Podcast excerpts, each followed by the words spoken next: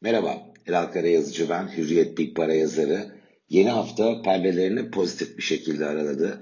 Asya'da hem Amerika'nın hem Avrupa'nın vadeli işlemlerinde e, olumlu bir açılış görüyoruz. Asya borsaları Cuma günü Amerika'da güçlü değer kayıpları vardı.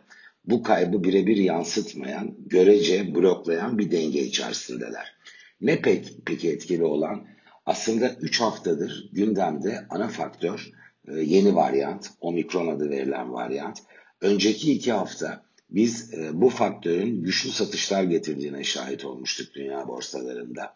Daha biraz e, geriye gidelim. Son 30 günde değişim nedir dersek de dolar bazında borsa endekslerinde %7 kadar kayıp var. Bunun ilk bölümü daha omikron varyantı ortaya çıkmamıştı. Vaka sayılarındaki hızlanma ve bunun beraberinde getirdiği bir takım kısıtlamalar onun ekonomik aktiviteyi yavaşlatmasıydı. Arkadan omikron geldi ve güçlü bir korku e, tetiklendi. Bu da ne? Eyvah e, delta varyantı etkili uzun bir zamandır dünyada. Şimdi yeni bir varyant çıktı. Aşılar bu yeni varyanta karşı koruyucu olabilecek mi? Acaba yeni varyant e, daha büyük bir tehdit mi? Daha çok can kaybına neden olur mu? İşin elbette sağlık yönü çok önemli ama fiyatlamalarda belirleyici olan yeni varyantın daha öldürücü olması durumunda ekonomik aktivite üzerinde daha uzun süre baskı yaratması riskiydi. Bu haftanın olumlu başlamasında, geçen hafta olumsuz seyrin yumuşamasında aslında omikronla ilgili e, gelen ilk klinik test sonuçları e, bence önemli bir etken.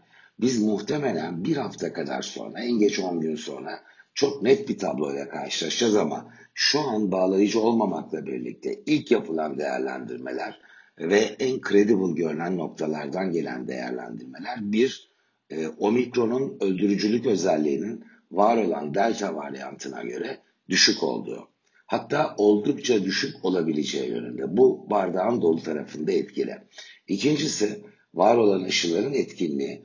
Bu konuda da e, görece daha az, az etkili kalsa da e, hastalığın hafif şekilde atlatılmasını sağlamaya var olan aşılarında yeterli olabileceği yönde. İşte bu tablo yeni haftanın olumlu başlamasında etkili olmuş görünüyor. Şimdi dönelim buradan Türkiye'ye.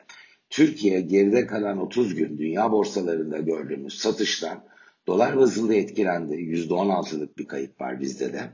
Fakat TL bazında baktığımız zaman tablo çok farklı. BIST 100 endeksi e, bu periyotta %18.7 değer artışı kaydetti. Çok güçlü bir yükseliş. E, eş zamanlı olarak dolar Türkiye'de %41 yukarıya gitti. Sırf dolar değil, Euro %38, altın %38 değer artışı kaydetti. Ve e, adeta Türkiye'de biz önden yüklemeli bir enflasyon rallisine, fiyatlamasına şahit oluyoruz. Hem döviz cephesinde e, hem e, Borsa İstanbul özelinde. Şimdi burada ne noktadayız? Enflasyon rallisi ne kadar süre devam edebilir? Daha kritik olan şey enflasyon nereye kadar tırmanabilir?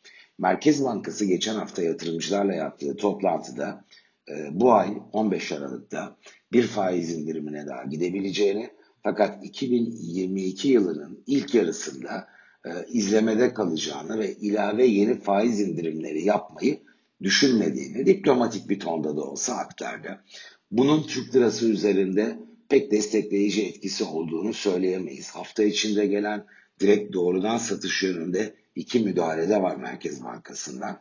Buna rağmen e, döviz cephesinde halen yüksek bir kur karşımızda ve oradaki fiyatlama satıcıların olabildiğince düşük olduğu ve e, fiyat ne kadar yüksek olursa olsun alma yönünde irade, irade gösteren yerellerin varlığını koruduğu bir tablo ortaya koyuyor.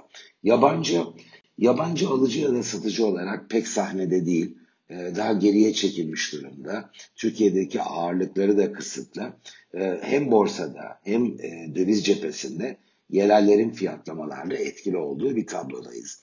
Yurt dışında eğer bu hafta gördüğümüz olumlu açılışın devamı gelirse ki ben 5-6 ay kadar sürebilecek güçlü bir rally'nin e, zemininin yurt dışında oluştuğunu ve bu hareketin kısa bir süre içinde başlamasının da pekala mümkün olduğunu düşünüyorum. Bu Şüphe yok ki Borsa İstanbul adına da destekleyici olacak. Ama o yüksek enflasyonun e, bir takım kaçınılmaz yan etkileri de potansiyel bir tehdit Türkiye ekonomisi için. İşte bu nedenle dünyadaki olumlu seyirden görece daha az katkı sağlayan bir Borsa İstanbul bence daha şansı yüksek olan senaryo olarak ön planda görünüyor.